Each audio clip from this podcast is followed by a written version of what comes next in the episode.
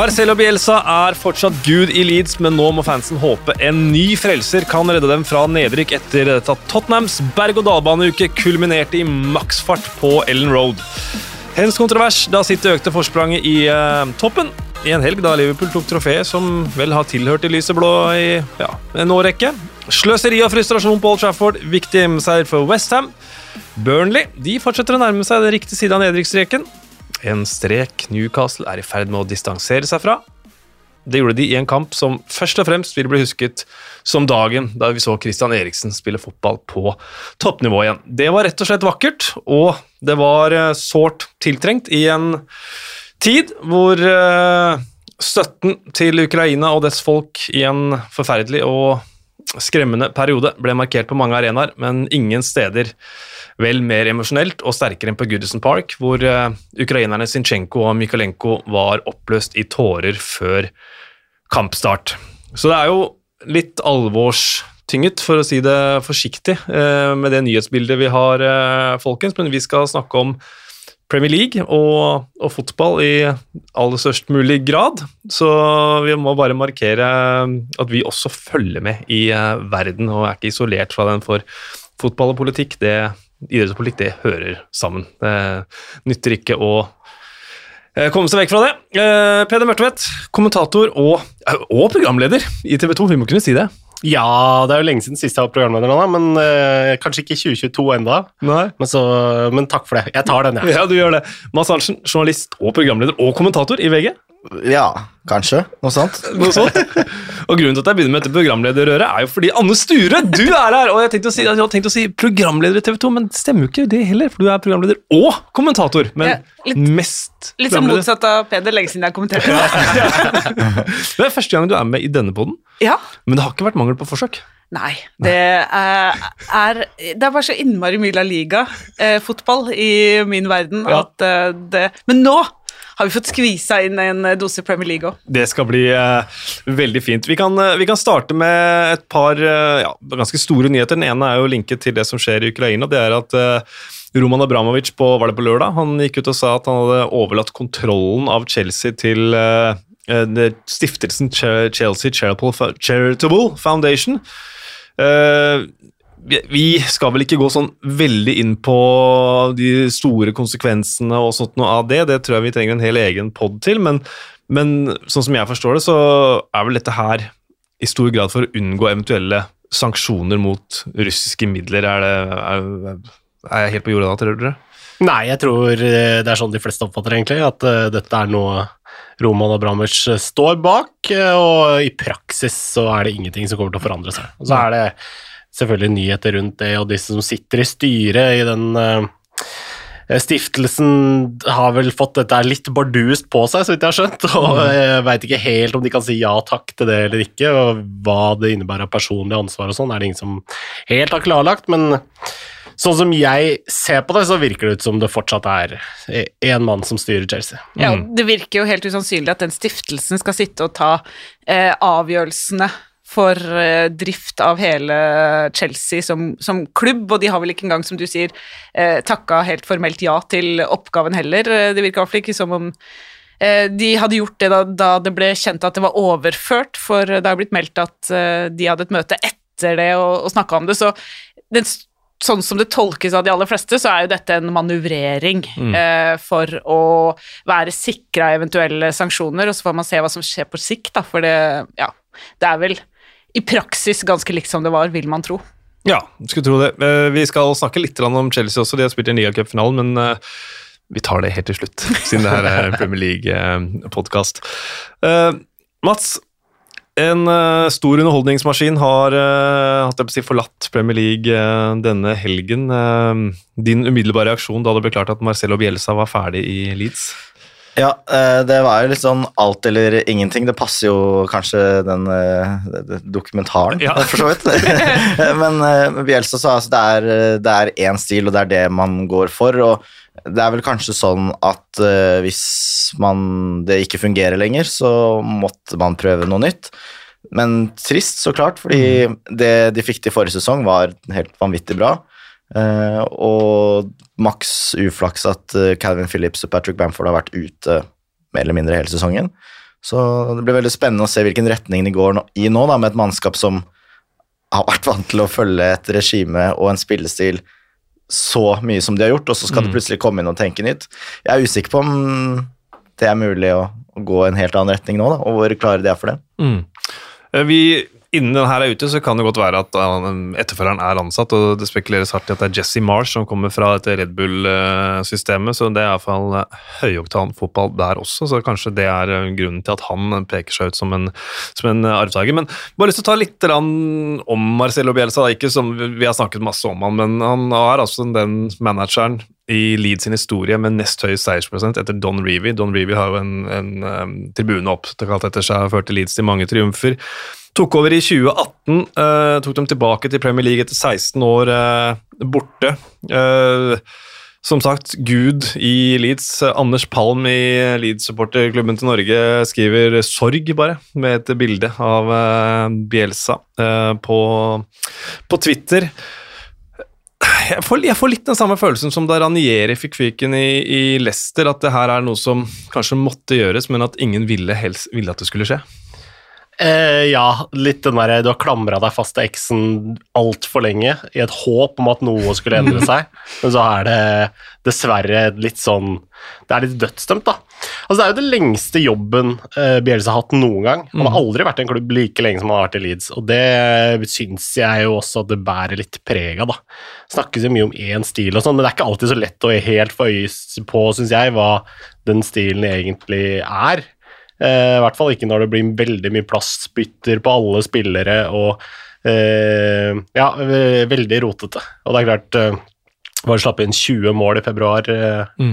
Det renner inn baklengs, så de måtte gjøre et eller annet. Og det blir spennende å se hva de siste tolv kampene innebærer for deres del. Ja, det ble jo nådestøt, det her. også er det jo sånn skal ta det, Vi tar matchen straks. straks. De tapte jo 4-0 hjemme mot, mot Tottenham. Men du er inne på det, Mats. altså De mangla Calvin Phillips nesten hele sesongen. Vi så forrige sesong at Leeds var to forskjellige lag med og uten Calvin Phillips. så mm. fikk meg til å tenke på okay, hvilke andre lag ville slitt uten en spiller, en så sentral spiller. Tenk deg Westham uten Declan Rice, f.eks. De hadde ikke vært der de er nå. Det var det første jeg tenkte på. Så klart, det har ikke vært heldig for han. Eh, men så har han jo ansvaret for hele laget, og 0-4 mot eh, Tottenham, som De fant jo alle rommene som fantes på Ellen Road, og det var, ikke, det var åpna landskap. Ja, så er det jo, Når det gjelder alle disse skadene også, så er det jo eh, litt Bielsa som har ønska å ha en veldig liten tropp. Ja. Det er også Jeg ser jo noen som også mener, for man har snakka om den der Bielsa burnout i e- enkeltsesonger, at det er tungt å holde sesongen ut, kanskje. Selv om man ikke nødvendigvis har sett sånn, hvis man ser på Leeds, at det har vært så tydelig, men også at man kan ha en sånn burnout på lang sikt, da, at de som har blitt skada mange av de som har blitt skada nå, har vært med lenge. At kroppene har blitt kjørt beinhardt da, over lang eh, tid, og at det har kommet eh, mye nå. Men når det gjelder den kampen nå, så er det jo det samme. Altså, det, det, det er jo ikke sånn at det drypper fra krana. Altså, det er jo sånn at de, de, de, det er jo oversvømmelse på badet, liksom, i, igjen. Og da, da blir det jo sånn eh, Jeg har faktisk forståelse for at, uh, at til og med Bielsa er uh, da erstattelig i Leeds, så får vi se hvor godt det funker, da, men, men man måtte jo liksom gjøre noe. Og så følte jeg Forrige sesong så var de liksom litt pragmatiske noen Ja. ganger. De kunne skru igjen helt, og de holdt nullen egentlig ganske mange kamper da, og denne sesongen her så har liksom det vært helt fraværende. Da bare Og som Mats sier, så er det jo liksom, det er ikke noe villighet selv før den matchen her, med de resultatene han har hatt da, så sier han liksom nei, um, vi, eh, det, han vil ikke endre noen ting. Det er jo, det er jo enten helt, helt sånn som han gjør det, eller ikke Bielsa, som var valget uh, for Leeds, og da satt de jo til slutt nesten igjen med eh, å ikke ha noe valg, da, sånn som det er nå. Skal være forsiktig, Anne, for det er ikke noe særlig rød klut, det der Leeds burnout for Leeds-fansen. Men til ditt forsvar, og egentlig alles forsvar, så er det tall som backer opp at denne gangen her så er det faktisk litt burnout. Men, men eh, det var derfor jeg sa at det er ikke sikkert de altså Hvis Nei. man ser tilbake på Leeds, så, så er det ikke sånn at, at nødvendigvis eh, man, kan, man kan si at det har vært uh, eh, situasjonen der, da. Men, Mm. eh, men det er jo ingen, ingen tvil om at det koster det han driver med, da. Nei, mm. mis misforstå meg rett nå, det var ikke meningen å henge ut deg nå. Nå skal jeg, det var til ditt forsvar. Å, det er så deilig at du, du har hjørnet mitt. At eh, Ja, jeg har det. du, du varsler meg på hvor jeg kan få kjeft på forhånd. ja, ja, og tall. Det er en som har blitt eh, brent barns i rillen. Ja, det, det er noe med det. Uh, og det er tall som, som backer det opp også. Uh, som du var inne på, Peder, i forrige sesong så var det kanskje litt mer pragmatisk av og til. Det var det laget som altså tapte færrest poeng etter å ha tatt ledelsen forrige sesong. Jeg tror det var seks eller noe nå. Eh, denne sesongen her så er de tredje dårligst på det. Altså Når de tar ledelsen, så klarer de ikke å holde på det. Eh, de løp mest eh, i snitt per kamp forrige sesong. Nå var de på tiendeplass på den statistikken. Så med alle skadene sånn, så tilsier det at jo, det er faktisk kanskje mer slitasje. Du, skal få ordet, Mats, for det jeg Ja. pratet over. Det er jo, jeg syns jo de har vært altså, de- Skada er én ting, og så det, var det jo maks uheldige at de møtte Liverpool, Manchester United og Tottenham òg, fordi United og Tottenham har jo hatt sine utfordringer, men er det noe de har vært gode på, så er det å møte lag hvor det er ganske mye rom. Mm. Eh, Det er jo akkurat det Kane og sånn og altså det er, Conte kunne ikke bedt om noe bedre motstander enn Leeds akkurat nå, sånn som de spiller. Eh, I tillegg til at man kanskje lag begynte Å spille mot Leeds er liksom noe annet enn å spille mot alle de 18 andre lagene du møter i Premier League, fordi det er sånn de følger ikke de samme reglene. Det er ingen andre som spiller med mannsmarkering, og det er derfor du plutselig får se at Joel Matip fører framover og slår vegg med Sala og mm. pirker han inn, liksom. Det, er sånn, det skjer jo ikke vanligvis. Uh, Lindelöf hadde en sånn samme variant hvor han plutselig var på raid fordi en av Ja. stopperne er fri og får lov til å gå, så eh, det er jo derfor også at enten så funker det, eller så funker det ikke, og den strikken røk jo veldig da i de kampene nå da ingenting funka, nøkkelspillere var skada og ja. Og, og Det er mange Kane, årsaker. Ja. Kane er sånn som Kane er nå, da. Det er jo Så det er jo veldig mange ting på én gang som på en måte gjorde at uh, det så veldig mørkt ut. da. Mm. Men, men Bielsas ettermæle Leeds det kommer for alltid til å være eh, uovertruffet. Fantastisk. Ja, og så er han jo Han har jo den kulten rundt seg. Det hadde han jo fra han kom. Mm.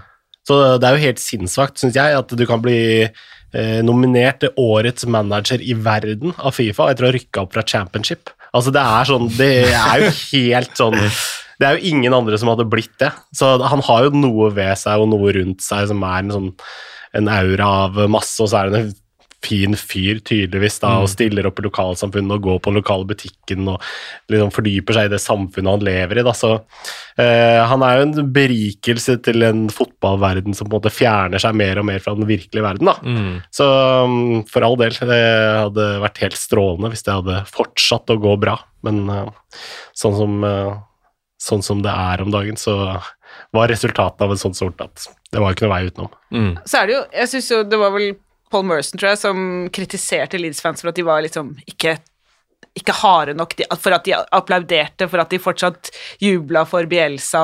Jeg syns jo det bare er dritfint at, de, Mm. at de gjør det. Altså, eh, fordi eh, det er jo som du sier, han vil jo alltid være elska der, og hvis de liksom hadde snudd seg hardt mot eh, han nå, så hadde jo det vært Jeg syns det er kjempefint at man eh, ikke nødvendigvis eh, må snu seg mot uh, manageren selv om det til slutt uh, blir ikke noe valg, da, at man må bare gjøre det man gjør nå. Så ja. Ja, men så er det litt sånn Det der er stemningen på altså, Og kulturen på tribunene er stort sett sånn. Alle klubber følger manageren og støtter manageren helt til den må gå. Det er jo folk som sitter på Twitter eh, som er sånn Vi alle må ut, og alle må få sparken hvis eh, noen taper, men det er jo en grunn til at liksom, Louis van Hall tror han er elska hardt på Old Trafford ennå. Mm. For de sang jo til den dagen han forsvant, på en måte. Og sånn er det på de fleste, fleste arenaer. Kanskje Steve Bruce sleit litt i Newcastle her på slutten, men Benitez på Goodison. Ja, det er noen sånne tilfeller. Noen unntak som alltid bekrefter ja, regelen. men der har du liksom en forhistorie som ikke er bra, Ja, ja, og så ja. Eh, men uh, hva er det Bamford sa? Vi har elsket han alle som en uh, god bestefar. Eh, og det tror jeg alle Leeds-fans, og egentlig de mange nøytrale også, vil gjøre. Så tusen takk for for eh, all underholdningen eh, vi fikk under eh, Bielsa i Leeds. Hva med Tottenham? Altså Conte sa for en uke siden så var det dette er den beste spillergruppa jeg har hatt noen gang. Jeg vil heller ha en bedre person enn en bedre spiller. Og så på onsdag var det Jeg er ikke helt sikker på hvor lenge jeg holder på med dette her etter tap mot Burnley. Og nå er det laget mitt uh, is not soft. Uh, så det går, det går opp og ned, men uh, veldig opp her nå for Kane, Son og Matt Doherty. Ja, altså Doherty må jo ha hatt eh, Altså, plutselig kommer målpoengene på den uh, måten, og plutselig så funka wingbackene, plutselig så sier jo Conte etterpå at han ser liksom for første gang da tankene sine uh, sånn på banen sånn som han vil se det. Men jeg må bare si noe på det. Altså, jeg blir litt frustrert når manageren på en måte forsterker disse svingningene så mye som Conte har gjort i intervjuene sine. fordi at jeg tenker, Er det noe som må være så sinnssykt vanskelig som fotballspiller i verden i dag, så er det jo å opprettholde et noenlunde fornuftig selvbilde. Eh, fra å være gud til å være idiot. Eh, og dette er jo flere ganger i måneden. Og så, Uka? jeg tenker, Ja, forrige uke for Tottenham. Men altså, så tenker jeg liksom manageren må jo være en motvekt mot det, ikke den som står først i køen uh, for å liksom skape disse svingningene. Det, ja, jeg syns ikke det har vært så klokt, da. Nei. Men uh, pila peker opp igjen uh, for Tottenham. Uh, etter å ha pekt først veldig opp, og så veldig ned, og så veldig opp igjen. de er i aller høyeste grad fortsatt med i kampen om topp fire, etter 4-0 altså, på Ellen Road. Da går vi til Goodison Park. Vi har allerede vært innom stemningen før kampen, hvor Everton-spillerne kom ut drapert i ukrainske flagg. Manchester City-spillerne hadde no war med ukrainske farger. Zinchenko og Mykolenko kom ikke på banen, men sterkt øyeblikk da de møttes i midtsirkelen før avspark. eller under oppvarming. Men selve kampen uh, Jordan Pickford så lenge ut til å bli helt, og så gjør jo Manchester City det Manchester City gjør. De, de finner en vei. Uh, ja, ligna jo litt på den uh, Westham-skåringa egentlig også. En sånn der, deflection i feltet som plutselig blir til en, en scoring. Mm. litt seinere der da, enn i Westham-matchen, men de er jo heldige, syns jeg, da, Manchester City. Everton gjør egentlig en ganske god kamp. Eh, selv om City selvfølgelig er det beste laget sett under ett og, sikkert fortjener å vinne sånn sett, men Everton kunne fort fått med seg et poeng, og så er det jo den straffesituasjonen da, som eh, sikkert noen vil mene at er hens.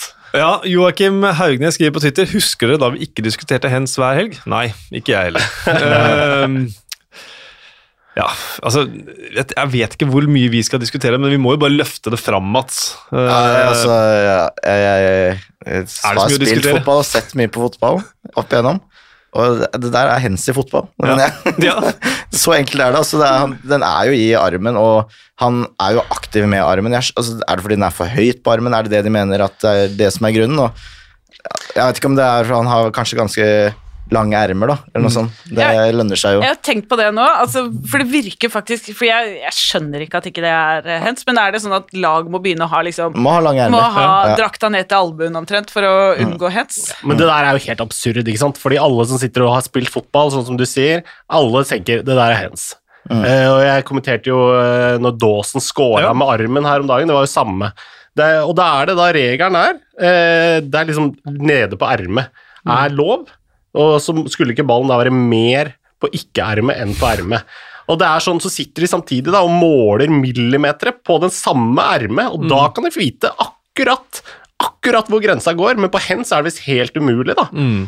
Og ikke sant, som jeg sier, alle mener det er hens, men så har dommerne da klart å lage et regelverk der de har klart å definere bort at det der er hens. Som er bare sånn Ja, det er helt ufattelig. Kan man ikke bare bruke hodet noen ganger? Må alt være liksom altså at, det en lin, at alt skal være så data og statistikk og, eller, mm. ja, Kan man ikke bare av og til bare bruke det man har igjen av litt sånn menneskelig kapasitet? Bare sånn hm, øyne, fornuft, logikk, eh, og bare sånn Det der er en hens. Mm. Det må være lov å bare si det er hens. Skal ja. så klart blåses på det, og vi har sett masse sånn tulleannulleringer fremover, og det der greiene der òg, med at ja, det er hens hvis det leder direkte til scoring, men hvis du henser inni eget straffefelt, så er det ikke det. Mm. Men et problem med henser generelt er jo at forbrytelsen ikke står i stil med straffen. Eh, det er en, det er en annen diskusjon igjen, da, men, men at det ikke er hens, det er bare helt utrolig. Ja, Frank Lampard sa at det var ingen som så dette her som ikke mener det er hens. Selv dattera mi på tre år hjemme kunne fortelle at det der er hens. Det, det, I beste fall inkompetanse. I beste fall inkompetanse. Anne Shearer sa det er den klareste hensen du kommer til å se hele sesongen. Latterlig avgjørelse. Men jeg, jeg, har jo sagt før at uh, jeg syns jo egentlig at sånne hendelser som ikke på en måte stopper et angrep, eller som ikke Det er jo bare det er jo en helt ufarlig situasjon. Mm. Uh, det burde heller vært dømt indirekte frispark eller et eller annet sånt, fordi det har for mye å si at om, om man henser her, da, så, så, skal det dømme straffe. Det er jo knallhardt, det òg, på en mm. måte. Men nå er nå reglene engang at det er jo en hens. Nei, nå er reglene ikke sånn, faktisk.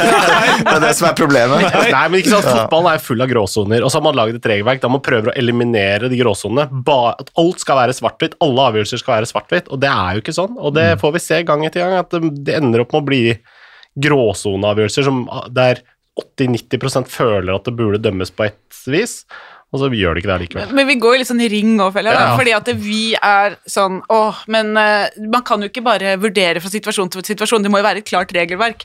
Og så sier vi ja, man må jo bruke skjønn. Altså sånn at uh, eh, Ja, det er sant, det. Vi går litt sånn i ring, men det er jo en, det jo en gyllen middelvei der òg, sikkert. For det, du så jo også hvor skyldig han så det, var, det var en skyldig mann. også. Han angra det sekundet han gjorde det. var, Å, nei, trøbbel. Det var, å. Men, Det var ikke noe sånn Nei. pokerfjes og Jeg lurer på hva han tenkte da, han, da det ikke ble straffe. Da må han bare sånn Hva i alle ja, dager? Det var uh, Hvor mye får Kevin ha betalt for dette her? Ja, han har spilt 50 sånne ut av fengselkort i Monopol, det råder vi nå, så Nei, jeg, Men jeg, tenkte, jeg slo meg med en gang det skjedde, så tenkte jeg på den du nevnte, den Craig Dawson-greia. Når den fikk stå, tenkte jeg det her kommer ikke til å bli eh, dømt. Jeg ga- jeg orka ikke å si det, selvfølgelig, men jeg sa at Mm. ok.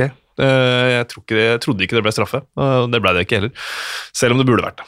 Eh, men det betyr at Phil Foden ble matchvinner, og at de strekker ledelsen sin til seks poeng igjen, eh, Manchester City. Men det er altså kun eh, ja, to og en halv uke siden de var tolv poeng foran Liverpool, og det er en internkamp som kommer 9. april, så tittelracet lever i aller høyeste grad. Det gjør eh, nedrykksstriden også. Vi skal ta turen til Brentford Community Stadium, hvor Newcastle var på besøk. Vant eh, 2-0 etter skåringer av Joe Linton og Chris Willoch.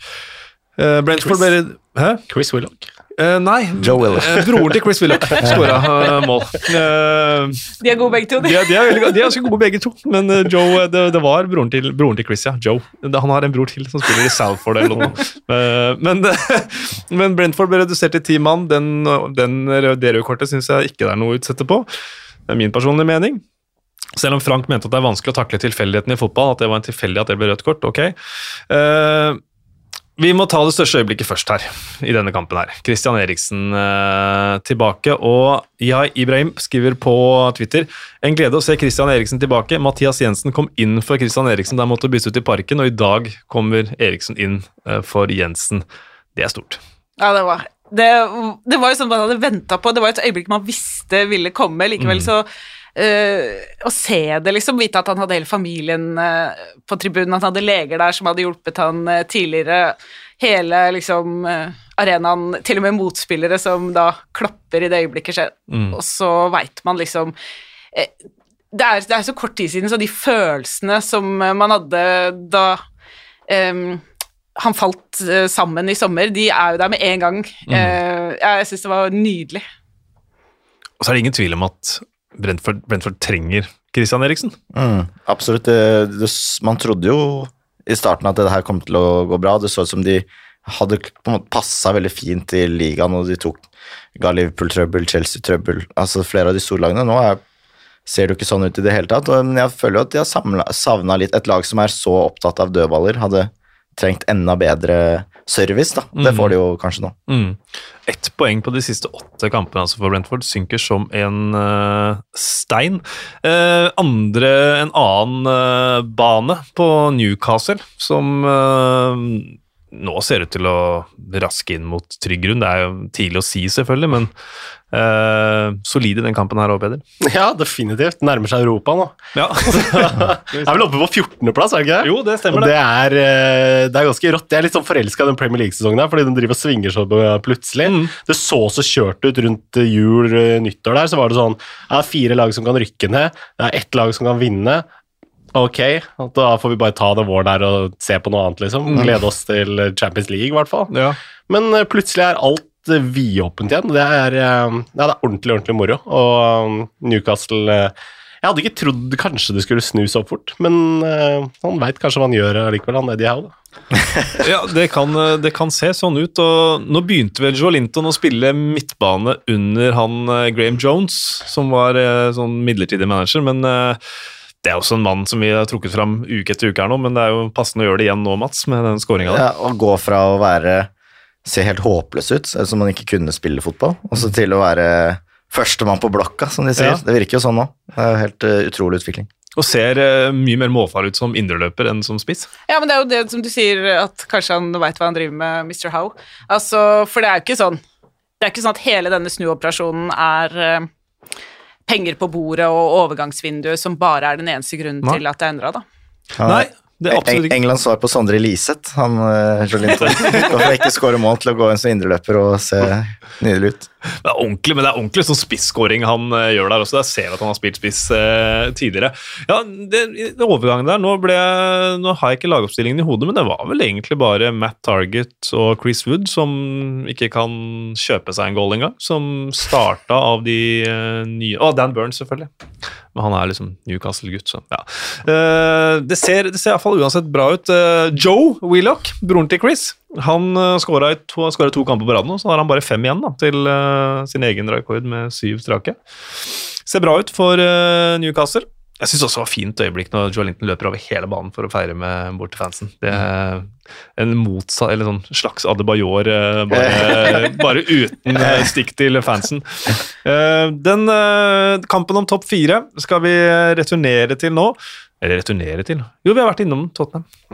Vi kan begynne på London Stadium i går. Også en fin markering der, for så vidt. Før Jarmolenko, som har fått fri av Westham. Westham som slår Wolverhampton 1-0. Thomas Socek med skåring på bursdagen sin. Gratulerer med dagen. Og gratulerer med dagen til Jo Tessem, han er 50 år i dag. Det kommer jeg på akkurat. Stemmer det. ja. Stemmer. Uh, Westham de, de, de finner liksom en vei. Uh, ja, det gjør det. Det var jo en uh, kanskje litt sånn traust uh, kamp ja, på mange måter. Det Du må kunne si det. ja, det må vi kunne si. Og så Ja, men Westham var vel det beste laget, vant helt greit. Og litt typisk, da, for når vi snakker opp Wolverhampton veldig for ja. litt siden, så er det to strake tap i London, så er det Plutselig er det et godt stykke opp igjen, da. Mm. Men og de viser jo kanskje også litt at de ikke helt har den troppen til å bytte veldig mye, da. Det gjorde vel fem endringer eller sånt på laget, og da det så ikke veldig bra ut. Nei, og det, jeg noterte meg her, roterte Wolf seg ut av kampen om topp fire her? Rart uansett. Jeg vet ikke hva årsakene var, om det bare var å bytte på folk, men øh, styrken til Wolves før har jo ofte vært at de har stilt med samme Altså det var i hvert fall det under Ikke det forrige regimet, men det før der igjen, kanskje. Mm. Eh, så ja, nei, det de, de, har ikke den bredden der. De har ikke det. Uh, Fabio Silva han uh, klarer på en måte, Han fikk ikke mye hjelp heller, det skal sies. Uh, men ikke, ingen Himinez fra start osv. osv. Uh, her er det også når du var inne på det, De, de tapte jo for uh, Arsenal i midtuka. Det er jo kamper vi ikke har snakka om fordi de var, uh, de var, i midtuka, men ta med oss det. jeg har lyst til å nevne Max Killman her også, med tanke på den konflikten som går nå. Det, vi får disse statistikkpakkene hvor det står at han har russisk far, men også en ukrainsk mor. Så han var altså en hårsbredd fra å bli ukrainsk landslagsspiller i fjor. Men uh, siden han har spilt futsal for uh, England, så fikk ikke Sjevtsjenko Ukraina lov til å registrere ham som landslagsspiller for Ukraina. Så av mange med, med, mye å tenke på. Så hvis du har en far fra Moskva og en mor fra Kiev, så er det jo imponerende å kunne, kunne gjøre en så god Premier League-kamp som det han gjør. Mm. Også interessant med Kilman, som er venstrebent høyre stopper og har de der offensive tallene som han har, mm. med å passere ledd og, og sånne ting. Det er, sånn, det er ganske oppsiktsvekkende. Det er ikke mange som har tilsvarende tall, spesielt når du spiller med måte feil fot hele veien. Mm. Så det er jo en ekstra lovende spiller. Mm. Og jeg vet at mange Wolverhampton-fans mener at han burde være på det engelske landslaget veldig snart. Det, det får vi se på. Uh, Wolverhampton ligger altså på åttendeplass. De har syv poeng opp til Manchester United på fjerdeplassen. Én kamp mindre spilt enn dem, men så er jo Arsenal og Tottenham og Westham imellom der. Og apropos Manchester United, 0-0 hjemme mot uh, Watford. Uh, ja, hvor skal vi starte her, Anne? Nei, altså, det er jo liksom Hvis det hadde vært én kamp da, hvor dette hadde skjedd, eh, så kunne man kanskje sagt sånn Ja, de var jo litt uheldige her, og Det er liksom sånn som kan skje hvis det skjer én gang, men uh, man kan ikke skylde på uflaks, syns jeg, lenger. Altså, det, det er du ser liksom kontrasten da på Manchester United, nei, City som får, uh, som får den, mm. uh, den scoringa, United som bare ikke, ikke, får det til, og så reiser Hodgson igjen da, hjem med poeng fra, fra Old Trafford. Så det er, jo, det er jo liksom et mønster i det man, det man ser her, at de bare klarer ett poeng nå også. Det er vel fire av de åtte siste som har endt med ett poeng for dem. Mm ett poeng mot Watford eh, denne sesongen her for eh, Manchester United. Det er, mm. det er, eh, det er bly. Det ble diskutert i, i vårt studio, i TV 2-studio om Cristiano Ronaldo om vi begynner å se begynnelsen på slutten av en verdensklassespiller, og da ble vel konklusjonen at ja, det er vi i ferd med fra, fra, dem. Jeg vet ikke om det er noen andre tanker her i panelet? Jeg vet ikke om dette er begynnelsen, det er vel et godt stykke ut, spør du meg. da. Men... Jeg, som, jeg, jeg, skal ikke tillegge studio begynnelsen på slutten, det var det jeg som gjorde nå. Men, men jeg syns nesten han Det var en av hans bedre kamper for United ja. på en stund, og det sier jo kanskje mye, det òg. Mm. Han så ikke så aller verst ut hele tiden. Nei. Det er Bruno som missa uh, flere store sjanser. Burde kanskje spilt på tvers til Ronaldo den ene gangen han hvor Foster redda. Uh, det som er med United nå, er jo at de uh, ser mye bedre ut på det aller meste, men ikke vinner kamper, og det er kanskje litt motsatt av hvordan det har vært tidligere. Mm. Så Nei, men de må jo skåre mål òg, da. Det nytter ikke å brenne de sjansene de får. Eh, fotballmeninger spør eh, Det er det vedkommende kaller seg på Twitter. Eh, hvordan, spør han da? ja, ja, hvordan ser dere på topp fire-sjansen til Manchester United nå som de taper poeng hver helg? Det er, så kan jeg legge på i det spørsmålet, Peder. City borte, Spurs hjemme, Liverpool borte i de tre neste i Premier League. Eh, ja, det blir tøft, det. det høres tøft ut. Ja, det, kan, nei, det blir spennende å se hvordan de klarer seg mot topplag. da. Mm. Eh, jeg syns de har vært eh, veldig gode kanskje en halvtime av matchene, og så har de eh, loka det til å vært altfor åpne eh, utover. Men nå mot Watford så var jo det i hvert fall litt bedre, da.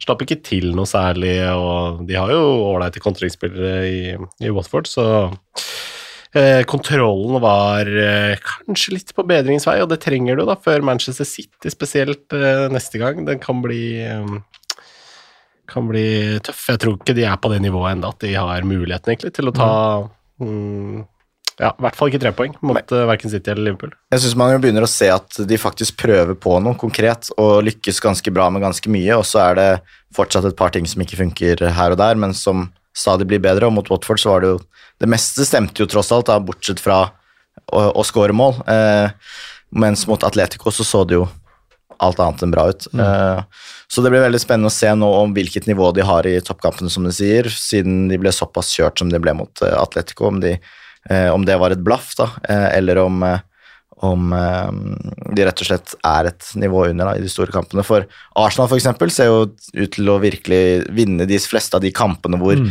de, som de bør vinne. Uh, og det er jo et ganske godt utgangspunkt for å ta den plassen. Da, at du vinner flesteparten av kampene dine og har grei kontroll. At de dro i land den mot Wolves, uh, at de slo Brentford. Altså de vinner de kampene der, da. Det er det United ikke klarte i helgen.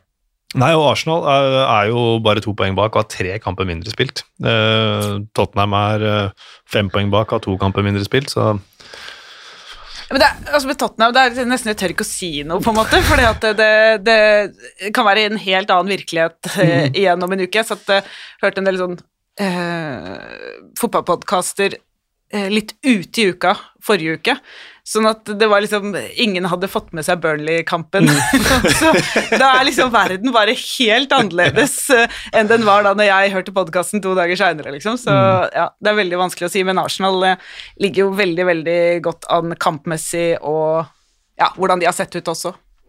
Watford, de, vi må jo snakke litt om Watford også. De uh, gikk jo på en kjempesmell mot Crystal Palace i midtuka. Den uh, tror jeg verken Hodgson eller så mange andre så komme 1-4 hjemme mot uh, gamleklubben for uh, Roy sin del, men så murte de igjen uh, på Old Trafford. Eller murte og murte, det var vel 21 avslutninger fra Manchester United, men kun tre av dem traff mål. Mm. men da er det sånn, det er aleine med keeper sitt utafor, det er i stolpen, Stolp, så det er, ikke sant? Ikke sant? Det ja. der, statistikken her er alltid litt vanskelig. Ja. Men det ingen skal ta fra Ben Foster som er en av mine store personlige favoritter, eh, er at han er den eldste keeperen som har holdt nullen på Old Trafford. Bortekeeperen eh, i Premier League-æraen. Den nest eldste som har gjort det, var David Seaman i 2002. 38 dager, 329, nei 38 år. 329 dager.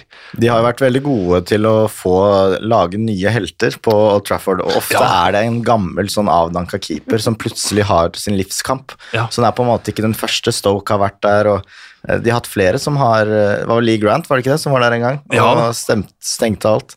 Så det, er- det er ikke første gang. Nei, og Tom, Tom Heaton har vært der og gjort det, så da er det vel overgang til Old Trafford da, for, for Ben Foster en, uh, til sommeren. Sånn, eh, Inn som tredjekeeper inn der. som femtekeeper bak, bak, Bak Lee Grant. Bak, bak, bak Lee Grant, ja. Og Tom Heaton. Uh, men 0-0 ble det på Old Trafford. Det ble eh, poengdeling, for det ble jo ett poeng til hvert av lagene på, på i Crystal, holdt jeg på å si nå, fra som det gamle, gode klippet. Men eh, på Sellers Park mellom eh, Palace og Burnley eh, Vi tar Burnley først. Jeg så ikke den renessansen komme. Da de i januar virket som at taktikken var hvis vi ikke spiller kamper, så kan vi ikke rykke ned. Og så har de altså må se på det, fire, fire uøverte, to seier og ett tap uh, siden de begynte å spille igjen i slutten av januar. Det, Burnley er rett og slett Burnley igjen. Ja, nå vinner de jo matcher og alt, og jeg syns jo Wout Weghorst virker jo som en av januars storsigneringer. Ja. Han er eh, Han kler jo Premier League ekstremt bra, da. Han er jo mer Premier League enn de fleste engelskmenn jeg har sett, egentlig. Og så blir han jo liksom Han blir liksom forsterka av at Wood ikke scorer ennå Ja, ja. også. Det er liksom eh, Det, det, det bare upper uh, aksjeverdien hans. Mm. Han har uh, skåra 100 mer, for han skåra ett mål. Ja, han hadde den headinga òg, og så var det vel en som var i nettet som ble Ble annullert. ja. Ja. Mm. Uh, så nei, uh, han ser jo veldig bra ut, og så er det, det er ikke bare det han er på en måte en fotballspiller og alt igjennom, da, både Mm. langs bakken og eh, virker smart og god. Og, mm, ja, det var som Sean Dyche sa, vel at sier noe om Burnley at de har fått at de har begynt å hente sånne spillere, og det, eh, det høres ut som football managers svar. Jeg tror det er et valg du kan trykke på når du kjøper spillere der, men, men, eh, men eh, ja, det gjør jo det, da. At mm. han er jo en klasse over det Burnley har hatt tidligere, kanskje. Ja, men der hadde, Forrige uke hadde Erik Torstvedt en veldig interessant informasjon om det. Han er jo antivaxer. Så, så det er ikke sikkert at han, han heller hadde så mange valg. eh, så, Nei, og vi har snakket om det, vi hadde Asbjørn Slettebark i vår podkast som heter Ukjent sum. Hei sann. Eh, hvor han også snakket om det, og at eh, han har vært sånn veldig sånn vanskelig å ha med å gjøre da, for, fra der han kom fra. Så Mm. eh, man passer kanskje litt inn i Burnley, da? Eller Ja, ja. er fordomsfull da?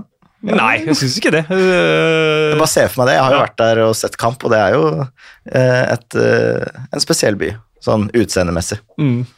Eh, og så får vi se om de klarer reddeplassen. De er bare ett poeng opp til uh, Everton. De har like mange kamper spilt som uh, The Toffees. Crystal Palace har vært innom mange ganger, fått mye spørsmål om vi hyller de for mye, at de har gjort for at de får ha samme poengsum, bla, bla, bla, som under Hodgson, men at man ser ting er annerledes siden Patrick Vieira leder dem.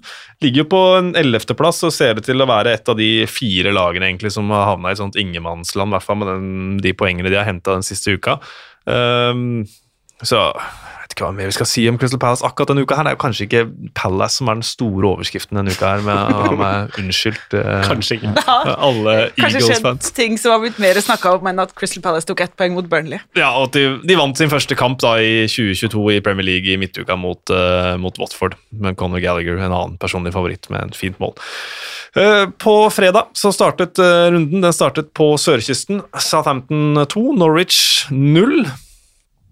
Che Adams, vel, og en kanon fra Rome, Romeo. Hasenhyttel sa at eh, det er tøft når vi spiller mot lag hvor alle forventer at vi skal vinne. Det har ikke vært så mange kamper hvor alle forventer at Southampton skal vinne, så det er jo Men for en, for en altså det, er, ikke- typisk Southampton. De har jo sånne perioder i løpet av sesongen hvor de bare hamrer overalt, og så kommer det sikkert sju kamper på rad nå uten seier. Eh, Det er Iallfall den feelingen jeg sitter litt med, men imponert stort. uh, Ja, han jobber seg jo bare opp en sånn buffer, sånn at de snart kan tape 9-0 igjen, Ja. og at det går Ja, det bra. måtte nevnes! så er det, det er litt sånn uh, Og det er jo, jeg syns det er veldig imponerende av Southampton som klubb, da, at de har gått gjennom det to ganger og var sånn Nei, vi står med det her, og Mm. det funker å ha en langsiktig og god plan, da. Og Mm. eh, kanskje, kanskje Leeds eh, Det hadde vært håp for Leeds med Bielsa, hvem vet. Hvem vet? Eh, jeg hadde egentlig Fordi det er jo en morsom Twitter-konto som bare en har 09 blitt nevnt eh, hver gang man sa 15. Og jeg hadde egentlig tenkt å nevne det fordi Angus Gunn sto i mål på St. Marys for første gang siden Ja. han slapp inn ni mål mot Leicester, men takk, Mats, du fikk Bare, bare hyggelig. Du fikk- Går rett i fella. Men ja. de er gode til å kontrollere kampen og, og ser bare så ganske solide ut, rett og slett. Og så um, synes jeg de har to gode, ganske gode backer i Livramento og Walker Peters. Det holder ganske høyt nivå. Mm. Broya, eh, At de har klart å få en Broya og Livramento fra, fra Chelsea der, det har jo hjulpet dem ekstremt mye. Og så er det gøy å se når Moe fungerer og uh, Ja, det er uh, artig at det går bra med Southampton. Ja, og Hasnittel mente vel at Gunn var en, som en uh, magnet, Ja. var vel det han, han sa etterpå også, så han hadde jo de, de kunne jo ha, ha vunnet mer også. Ja, De kan, burde sikkert vunnet også. Dean Smith var vel mer resignert. Det beste laget vant i eh, kveld, sa han etterpå.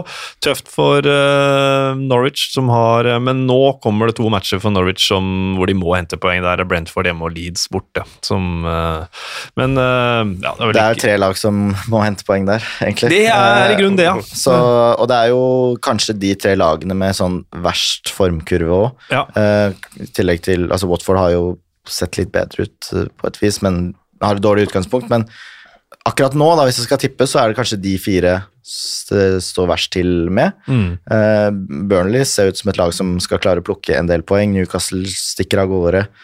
Eh, så da Det blir ganske gøy å se som, hvordan den utviklingen fortsetter, da. ja, og ha Everton inn i miksen der også, som eh, Ja. For de slipper til mye, altså. Lampard Ja. ga beskjed til Everton-fansen om ikke å se på tabellen de neste ukene. ja. For det, nå skulle de jobbe, og så Ja. skulle vi se på tabellen litt seinere. Jeg tror Men- ingen kommer til å følge den oppfordringen. Nei, det kommer ikke til å skje. Men det var jo en opptur for Everton i det minste, nesten egentlig selv om eh, Som vi var, var innom, da. eh, og før det tidligere så har de jo sluppet til ekstremt med sjanser. Mm. Eh, Det har sett Mm. helt åpent ut. Det gjorde de jo ikke i like stor grad, i hvert fall. Nei. Nei, og de hadde jo, altså Det var jo en god måte å møte City på, selv om kanskje ikke var Citys beste dag, så var jo altså planen funka jo veldig lenge. Mm. Den ja, det, Sorry, Brighton og Aston Villa-fans. Den minst viktige kampen denne runden her, det var vel Brighton og Aston Villa. Men viktig for Aston Villa, som kommer tilbake og vinner etter å ha fått ett poeng på de siste tre mot eh, svak eh, motstand. Så da har vel de plassert seg midt i sekken, da, disse to lagene her, Ja. Peder. Ja, de har det. Og Brighton igjen da, med tre strake tap nå, vel, etter at de har eh, hadde hatt en veldig god periode lenge. Så nei, det er eh, På denne Premier League-tabellen som jeg ble så glad i, så er eh, de lagene der kanskje de jeg kikker minst på akkurat nå. Da. Mm. Jeg tror på det er første gang på to år eller noe sånt. Ja. Brighton går i tre, har tre tap på rad, så det er jo Det sier litt om hvordan Brighton har blitt også, da. Eh, så det er ikke De må jo justere litt der òg. Og overraskende at Watkins kom inn og fikk seg et mål, til og med. Mm. Eh, bra grep av Girard å på en måte få en mer bevegelig type inn bak eh, forsvaret der, og det var jo sånn Hvis man skulle se for seg liksom, tanken med å sette inn Watkins, så var det kanskje akkurat det målet de scora. Så det var Ja. sånn eh, Man fikk jo akkurat det han ønsket her. Ja, Han var vel inne på det i eh, intervjuet etterpå, Gervard, at han uh, orka ikke noe sånn eh, prat om at han har to nummer ni som ikke fungerer sammen, bla, bla, bla. bla, bla. Nå må dere vise at dere kan spille sammen. og Da var det noe sånt at Watkins scorer, men ikke glem at Danny Ings var god også. så eh, Steven Gerrard har vel vist på den tiden han har vært, at eh, han virkelig har noe for seg som, eh, som manager. Så det, her, eh, det blir spennende å følge, fram, eh, Villa Kanskje mer enn neste sesong enn en denne. Eh, nå har de kommet seg på trygg grunn, og så får vi se hvor det ender opp med Brighton, som er jo på vei mot sin beste Premier League-sesong uansett. Så hvis ikke det blir en totalkollaps, som det vel kan se ut som at det er i ferd med å bli nå, men uh, den tid uh, så får vi se. Skal ikke si sorg, det er litt dramatisk. Uh, det var, det, det var, det ble spilt en ligacupfinale i går også, og Viktor Hallene spør noe prat om ligacupfinalen fra panelet. Ja, vi kan jo prate litt om den. Det var vel da to lag fra Premier League som var med Det var i den uh, finalen, hvis jeg ikke husker helt feil. To gode lag. To ganske gode lag. Ja, Så, nei, det var ja, forrykende 0-0-kamp. ja det var det. Jeg, klarte, jeg mista tellinga på hvor mange ganger ballen var i nettet. Eh, men ingen av dem telte, da. Ja, jeg, hadde, jeg satt jo La Liga-studio da den pågikk, så det var sånn eh, en skjerm oppi et hjørne som jeg egentlig skulle se minst mulig på, så det ble, Ja. det ble vanskeligere og vanskeligere utover i, i straffekonken der, men mm. jeg skjønte jo at eh, selve matchen også var, eh, var ganske artig, rett og slett. For Venstre, det var liksom umulig å få et tellende mål da. I, I kampen så var det jo helt vilt nivå på straffene. Ja. Uh, og der var det jo masse øyeblikk å ta tak i. Eh, min personlige favoritt selvfølgelig den van Dijk-straffa, ja, som si det. er bare den råeste måten å, å ta ut Altså, Jeg har liksom tenkt at Panenka er den feteste måten å, å utkonkurrere en keeper på, men den der van Dijk bare hamre ballen i det hjørnet Kepa hadde stilt seg. Nei, det var helt rått. Ja, Det ble jo selvfølgelig praten etterpå, at de setter inn uh, Kepa, og så blir han uh, den som blåser den siste straffen uh, over. Men statistikken til Kepa på straffekonker har jo vært god, så forståelig at Tuchel gjør det. Ja, det er jo vanskelig å vite utfallet etterpå, da. Mm. Det er jo lett å være Monday morning quarterback, som Ja. eh, Lars Lagerbäck eh, sa en gang. Eh, men jeg ser jo på en måte argumentene begge veier, da. Men hadde, det, hadde de, han ikke gjort det, så hadde vi jo sikkert tenkt sånn. og Tenk på da- Solskjær eh, De Gea, den finalen, da, så Ja. var jo samtalen helt motsatt. Der, Ja. ja. Klink var ak Det er akkurat det samme som Ja. skjedde. Så Så gjorde du vel i supercupfinalen akkurat samme grepet, og vant der. og jeg vet ikke, Det er, eh, som du sier, veldig lett Men eneste, eneste er bare at eh, man kan snakke om statistikk, men Kepa hadde jo ikke noe god taktikk på straffene. Det var bare det. Nei, og så var jo Mendy så god i kampen. Så er sånn, Man kan jo også klandre han for at altså det er, hvis de, Har de bare sett på tallene, eller har de sett på hvordan han faktisk står på straffer òg? Fordi selv om um, det er veldig mye forskning og uh, ferdigheter og alt på straffer, så er det jo en, fortsatt en viss grad av tilfeldigheter, fordi det er én enkelt hendelse hvor Mm. du tross alt kan redde ved å rik, eh, gjette riktig vei osv. Uh, og jeg ble vel ikke veldig imponert over det Kepa leverte. Og han så litt usikker ut og litt sånn vinglete. og Han kom liksom ikke inn med den autoriteten og sånn der skremme sånn, og nå skal jeg inn og, og ta alt fra dere. da. Det er jo rar sånn utvikling for Kepa. For hvis jeg ikke husker feil nå, så ble han bedt om å bytte ut i en finale. hvor Ja, det var jo også ligacupfinalen. Ja, men ikke ville gå ut. Eh, det var vel Sarri som var manager eh, den gang. Ja, ja. En morsom stat med Edvard Mendy, så jeg her. Fikk tips av Helge Kalleklev. Eh, de Da siste er, da er den dyp. Den er dyp. Følg med nå. Eh, Ed, de siste fem kampene Edvard Mendy har spilt i, det var da i Afrikamesterskapet, VM for klubblag, klubblag, Premier League, Champions League og ligacup. Så hvis han står mot Luton nå på onsdag, så har han stått seks kamper i seks forskjellige turneringer. Uten, noen, uten samme turnering imellom. Det tror jeg må være historisk. Han må jo få stå den kampen bare for uh, statsa. Ja, komme inn siste minutt i hvert fall. Så tar han, eh, så en liten eh, bønn til Tuchel eh, der, så vi kan, kan få den eh, i Men gratulerer til Liverpool, som, eh, som vinner Liacupen. Det er nesten absurd at ikke Manchester City spilte Lia-cupfinale. så Ja, Var det ikke med, eller må ha vært noe sånt? Nei, det Jeg var ikke annet. det er, Glemte å melde seg på. De glemte å melde seg på. Eller det var, var det Westham som tok dem i en, eh, på en straffekonk. Mm. I midtuka så er det Burnley-Lester. Det er den eneste utsatte kampen eh, i eh, Premier League. Den er jo selvfølgelig høyinteressant i nedrykksstriden, for er- Leicester kan trekkes inn i den nedrykksstriden hvis ikke de eh, tar poenget på Turf Moor. De kjører Burnley-taktikken, de nå. De Det gjør de. 23 kamper eller noe sånt, så Ja. de har da tre mer enn Leeds, eksempel. Ja. Uh, så nei, um, Rogers han Det blir spennende å se om hva som skjer der, da. Mm. Uh, tror det sitter langt inne for de å, å bytte manager. Ja, de har også hatt veldig uflaks med skader. da. Mm. Ja, utrolig mye sånn endringer hele tida. Stopperne har vært ute nesten én etter én, og det har vært, vært vanskelig for han, tror jeg. Men uh, nei, det blir eh, det blir interessant, ja. For det skal, ikke- det skal ikke veldig mye til. Nei. Nei de har jo Leeds til helga òg, er det ikke det? Eh, Det, det. er- det, det er- det, da, det stoler da på deg der, Ja, det er kjempetrygt, det. ja. Men de har i hvert fall brukt uh, siste uka på å feie Randers ut av eh, playoff til Europa Conference League, så åttedelsfinaler. Yes, og renn neste, da. Renn. I Bodø-Glimts uh, triumfferd mot Conference League-tittelen. Vi får se om, den, eh, om de møter Leicester på sin vei der. Eh, som nevnt så er det FA Cup eh, i midtuka. En haug med Premier League-lag involvert i, i de åttedelsfinalene. Men vi skal ta noen faste spalter vi, når vi nærmer oss tampen her.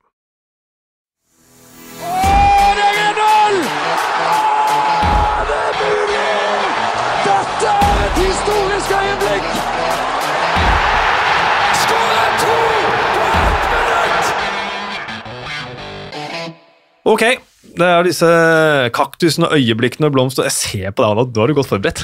Det, så, Jeg skrev til det ja, jeg var sånn, det rista litt der nå. Eh, Kan vi ikke begynne med øyeblikket? Hva syns du er øyeblikket, Anne?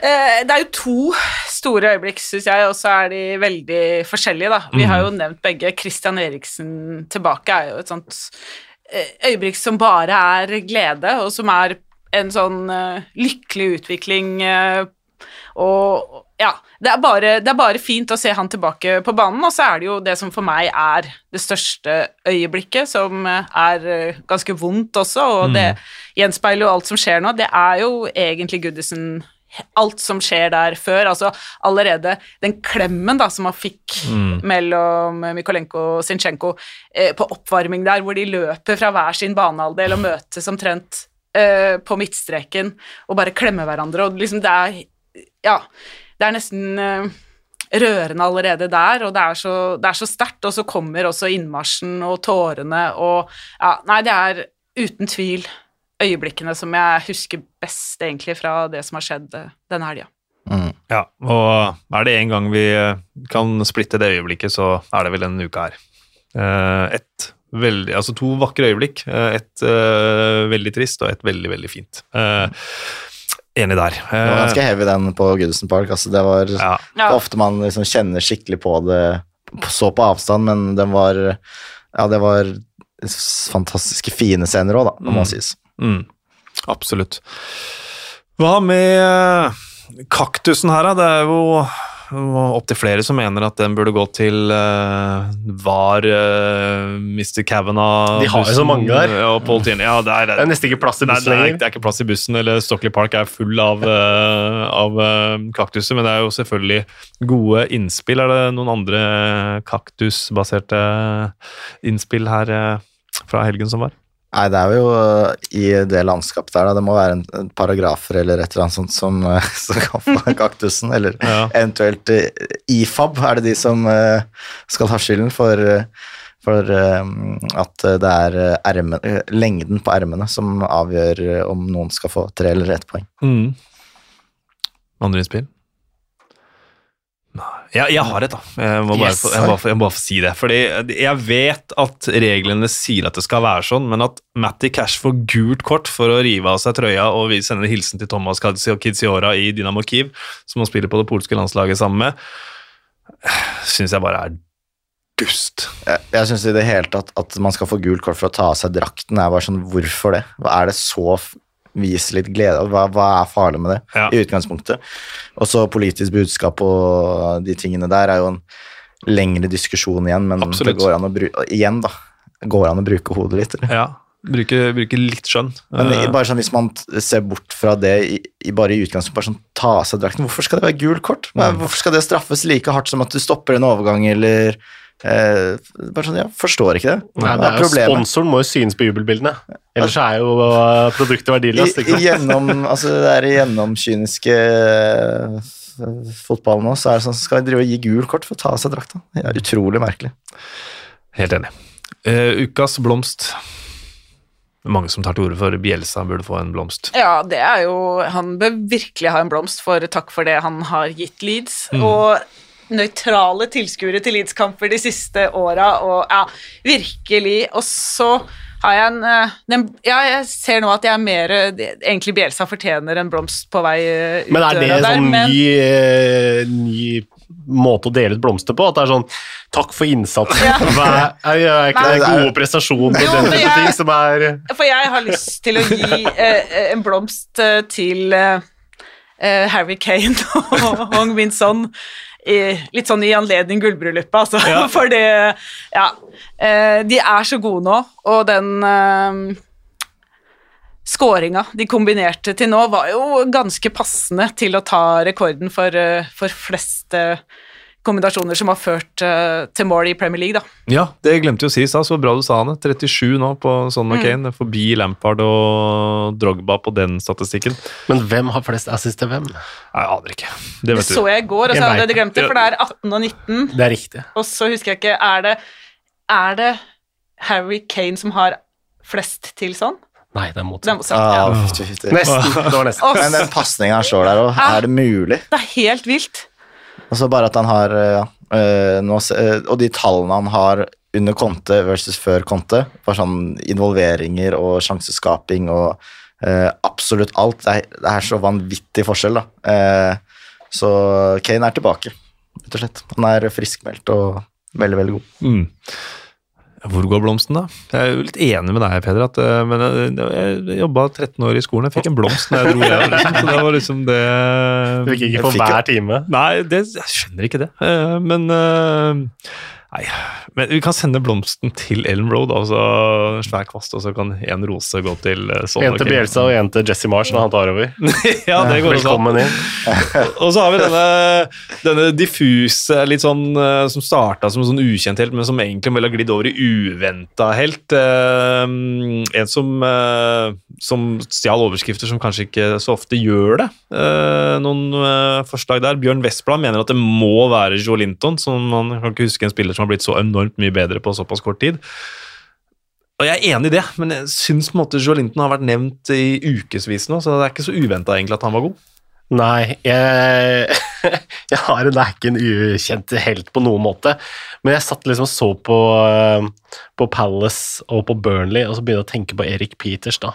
Han har spilt 230 Premier League-kamper eller noe sånt. Det er fortsatt ingen som husker hva han heter. Og han, hver eneste gang han spiller, så møter han helt grusom motstand. da. Eh, men ofte så går det sånn som de gjorde nå i helga. ikke sant? Han blir fullstendig ødelagt av Olysée, den første duellen omtrent de har. Men så spiller han seg liksom opp, da. Og så blir det ikke noe særlig mer som skjer på den sida der, og så klarer han seg liksom greit, og så skjer det ikke noe spektakulært eller noe sånt, men han, han utjevner på en måte den enorme kvalitetsforskjellen som er på de to i utgangspunktet, og så blir det liksom bare grøt av det. Jeg nevnte den gangen jeg var eh, på Turkman, bare vært der én gang, men da husker jeg Richarlison spilte mot Phil Bardsley, og han hadde det bare ikke noe hyggelig. Det var ikke noe, han bare sånn, Jeg syns ikke det er, ikke noe hyggelig å være her. Han var bare, Hver gang han var på vei framover, så visste han at nå er leggen min i konstant fare. Eh, så og De må alltid ha en sånn bekk som er litt sånn ja, eh, kanskje ikke hadde vært back på alle andre lag. Men ja, Ben Foster vil jeg også nevne, da, kanskje. da, eh, Med den statistikken du også trakk frem, og den redningen han gjør på det eh, Bruno Fernandes-avslutningen, er jo også veldig, veldig bra, da. Så Gode, gode innspill her nå, Anne. Har du også en, eh, har du en tredje inn i miksen her nå, eller? Nei. Nei. Jeg har to, to alternativer Du har to alternativer. Skal jeg gi det tredje? Matt Doherty, kanskje? Ja, ja, for det tar er han, er han ukjent nok? Nei, da? Oh, ja. Uventa. uventa u, slash uventa. Ja, for det, da er jeg helt enig. Ja. Uh, ja.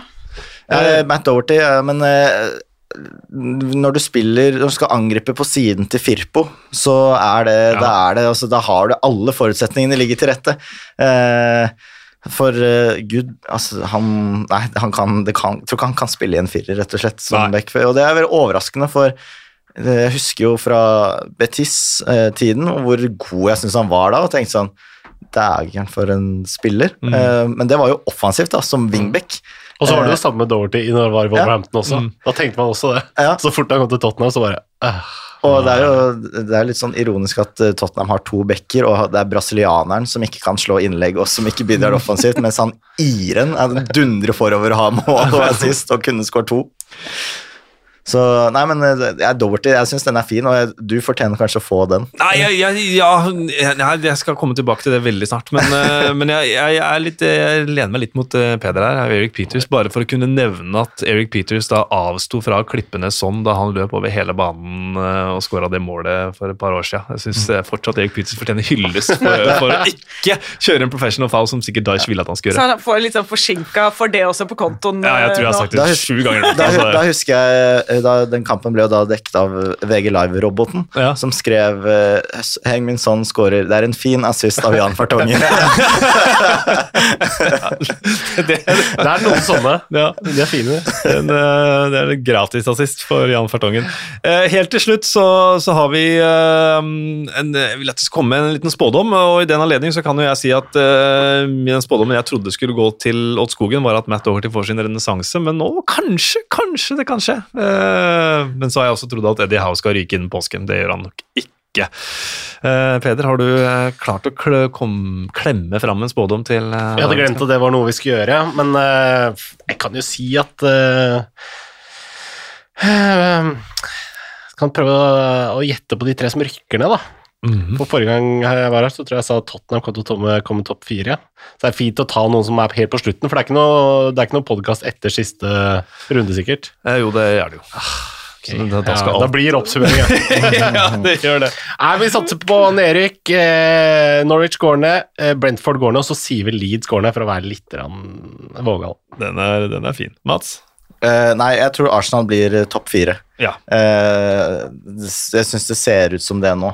Eh, og det er jo farlig nå Dette er kanskje en lavoddser, da. Mm. Uh, så da er det ditto mer mageplask hvis det går gærent. Men eh, jeg tror de kommer til å ha ganske god kontroll på det også, Med god etter hvert. Ja. Så legge på litt, da. Ja, skal gjøre det. Med god kontroll. Altså, Arsenal cruiser inn til topp Ja, så se om to uker, så tenker man sånn Herregud, det var sparka ned åpne dører, Ja. da. Og Da er de så godt innafor at Kan si topp tre, da. Ja, det, det, hadde jo, det er jo ekstra, ekstra vågalt uh, hvis de vinner de Men Chelsea Ja, ja det kan bli tight, der. Kanskje det blir topp tre. Ja, skriv det isteden, da. Arsenal topp tre. Ja da, hvis Arsenal ikke så kan ikke sitte her og, to, må leve litt Nei, topp to, den får du ikke. Anne? Altså, jeg, skrøt av at jeg var godt forberedt til de faste spaltene. Den her hadde gått Nei, veldig nei, men det er fordi jeg glemte å informere deg om den. Så det er my bad. Eh, fordi det er jo eh, Ja, det er vel ikke noe vits i å engang prøve seg på noe spådom på hvem som overtar Leeds, f.eks. Det ligger vel ganske i, i korta, så Mm. nei, jeg avstår fra, fra spådommer. Ja, du kan få, da, du skal, da kan du si hvem vinner av Burnley og Leicester. Hvem vinner av Burnley og Leicester? Ja. Jeg, Snakk først om hvor bra den kampen blir, for jeg skal kommentere den, og vil gjerne ha et herlig innsalg. Det ha- innsalget Altså, er jo at eh, veldig meg. mange av oss spiller fancy, og det er innsalget. Jeg skal sitte her i Veghorst-drakten min og uh, slette vaksinene mine og heie på alt. jeg tror Burnley vinner. Burn, Burnley, Burnley slår Leicester, rett og slett. Ja. Mm. Og jeg angrer allerede på det. Jeg sa Arsenal topp tre. Kan, kan du skrive fire er Jeg kommer, jeg har Chelsea har en kjempelette kamper framover nå. De kommer til å cruise av gårde. Chelsea blir topp to.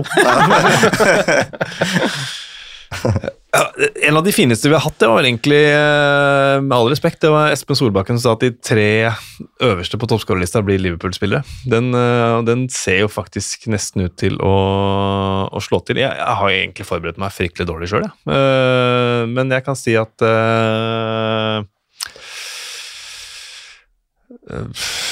Ja, skal jeg se på tabellen, da? Hva med Ve Vegårs flere mål enn Chris Wood? Ja, På bare en halv sesong? Ja. Vegårs flere mål enn Cristiano Ronaldo. Nei, jeg eh, tror jeg sier at eh, Er det ikke- Southampton. Ja, jeg tenkte du kunne også Det er jo et Manchester Derby coming up. Et Mm. lite tips der. Ja, det kan vi si. Det blir 0-0. Oi. Manchester City, Manchester United 0-0. Takk, Anne. Om det er Watford eller City. Spiller ingen rolle. Det blir 0-0. Mats Arntzen, tusen takk for at du var med. Takk for at vi kom med. Peder Mørtvedt, tusen takk for at du eh, stilte. Ja, bare hyggelig. Det var veldig stas. Og Anne, det var eh, long overdue, men det var veldig gøy. Ja, det var hyggelig. Takk. ja. Tusen takk for at du lytter. Tusen takk til Moderne Media, som hjelper oss å produsere. Og gå inn på Twitter eller eh, iTunes og ris og ros og hei og hopp. Takk for følget.